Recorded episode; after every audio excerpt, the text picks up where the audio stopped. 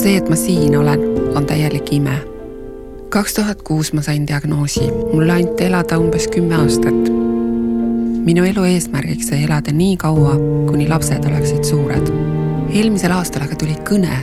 minu jaoks on leitud kopsud. uued kopsud on toonud mõistmise, milline võit on igal hommikul ärgata ning päeva alustada.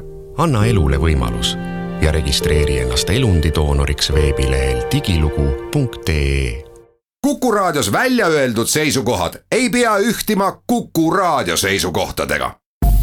Te kuulate Kuku Raadiot.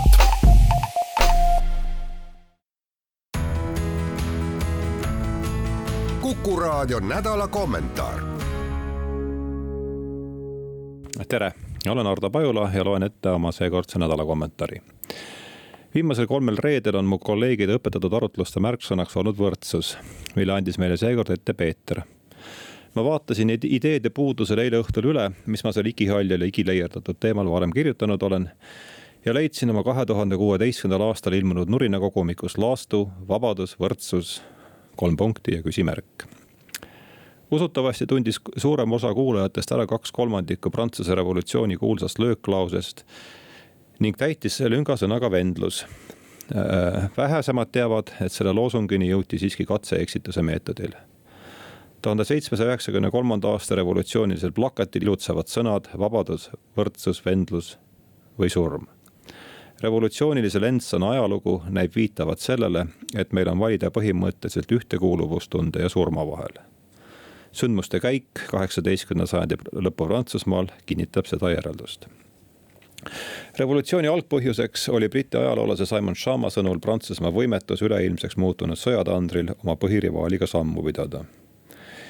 Inglismaal sadakond aastat varem toimunud revolutsiooni käigus korraldati võlausaldajate, kodanluse ja võlgniku, see on siis kuningakoja, suhted ümber nii, et esimesed said suurema sõnaõiguse riigi rahanduses kaasa rääkida.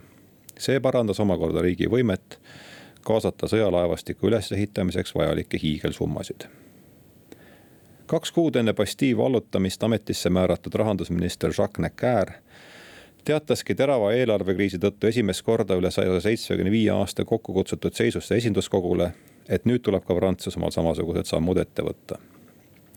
mingil määral võiks generaalstaatide kokkukutsumist tuhande seitsmesaja kaheksakümne üheksanda aasta mais võrrelda Nõukogude Liidu rahvasaadikute kongressiga täpselt kakssada aastat hiljem sest mõlemal juhul üritas pankrotti veerele sattunud keskvõim saada oma ulatuslikule reformikavale rahvaesindajate toetust. huvitaval kombel on üsna sarnased ka kummagi esinduskogu valimise põhimõtted. mõlemal juhul toimus saadikute sõelumine seisuste kaupa ent nii nagu Gorbatšov, nii oli ka Neckari leivaisa Louis kuueteistkümnes oma ümberkorraldustega hiljaks jäänud ning generaalstaatide kokkukutsumine ei teinud asja sugugi paremaks. vastupidi see hävitas monarhia viimasegi haldussuutlikkuse. ainuüksi kolme seisuse esindajate ühte ruumi saamine oli piisavalt keeruline. maksupoliitiline kokkulepe kuulus juba ulme valdkonda. kui revolutsioon Bastille vallutamisega hoo sisse sai, tegi Necker viimase katse riiki pankrotist päästa tema kavandatud rahvaühistundele apelleeriv kontributsioon Patriotique pidi riigikassasse sisse tooma kakssada miljonit liivrit, see on siis ootuste järgi asjaolu, et seitsme kuu jooksul õnnestus nii koguda vaid üheksa miljonit liivrit, näitas, et vendlust polnud tol hetkel kusagilt võtta ja nii hakkaski kuulus revolutsiooniline loosung surma poole kreeni kalduma. revolutsiooni edasise kulu määras ära tõsiasi, et ühtekuuluvustunnet võis leida üksnes seisuste seest ja edasist võibki kirjeldada kui seisuste vahelist sõda kõige kehvemast olukorrast leiavad ennast suure krabamise künnisel tavaliselt need, kellel selleks ajaks on õnnestunud kõige rohkem vara koguda. sest sealt, kus ei ole, ei võta ei vendlus ega isegi surm. nii pole imestada, et kahe vaesema vennikese pilgud pöördusid kõigepealt kolmanda tasku poole. kiriku varad kuuluvad rahvale, on tulnud aeg need tagasi võtta, kuulutas vabameelne arvamusliider Marquis de Sade vaevalt viis kuud pärast Bastille ründamist ja kaks kuud pärast kuulsusrikast naiste marssi astub lavale üks Prantsuse revolutsiooni peategelastest. kirikult konfiskeeritud maavaldustega tagatud paberraha. assignaadiks nimetatud sedelikesest saab prantslaste ajaloolise fiskaalse eksperimendi nurgakivi. erinevalt Neckeri läbikukkunud patrioodimaksust andis kiriku vara sundvõõrandamine revolutsioonilisele valitsusele ühe ropsuga kakssada miljardit liivrit. Paraku ei jätkunud sellest summast eriti kauaks. raha ja varsti ka vere maitse suhu saanud kolmanda seisuse üha enam radikaliseeruv tiib jättis vana režiimi vihatud maksud kogumata ning keskendus selle asemel rahvavaenlaste varadele pärast Jakobiinide võimu haaramist tuhande seitsmesaja üheksakümne kolmanda aasta suvel ei ole assignaadi sisuliseks tagatiseks enam mitte kiriku varad, vaid rahvavaenlaste üha kasvav hulk. Robespierre'i üürike ilmuvalitsus lahendab korraks Neckeri algse probleemi ja võimaldab surmaohus vabariigil kriitilisel hetkel püssi alla saada Euroopa kaugelt suurim armee.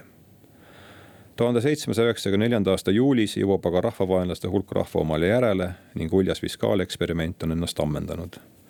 Robespierre koos kaaskondlastega lõpetab giljotiini all ning veel tosin aastat hiljem taas kehtestab vahepeal keisriks kroonitud Napoleon revolutsiooni vallapäästmisel nii olulist rolli mänginud vihatud soolamaksu.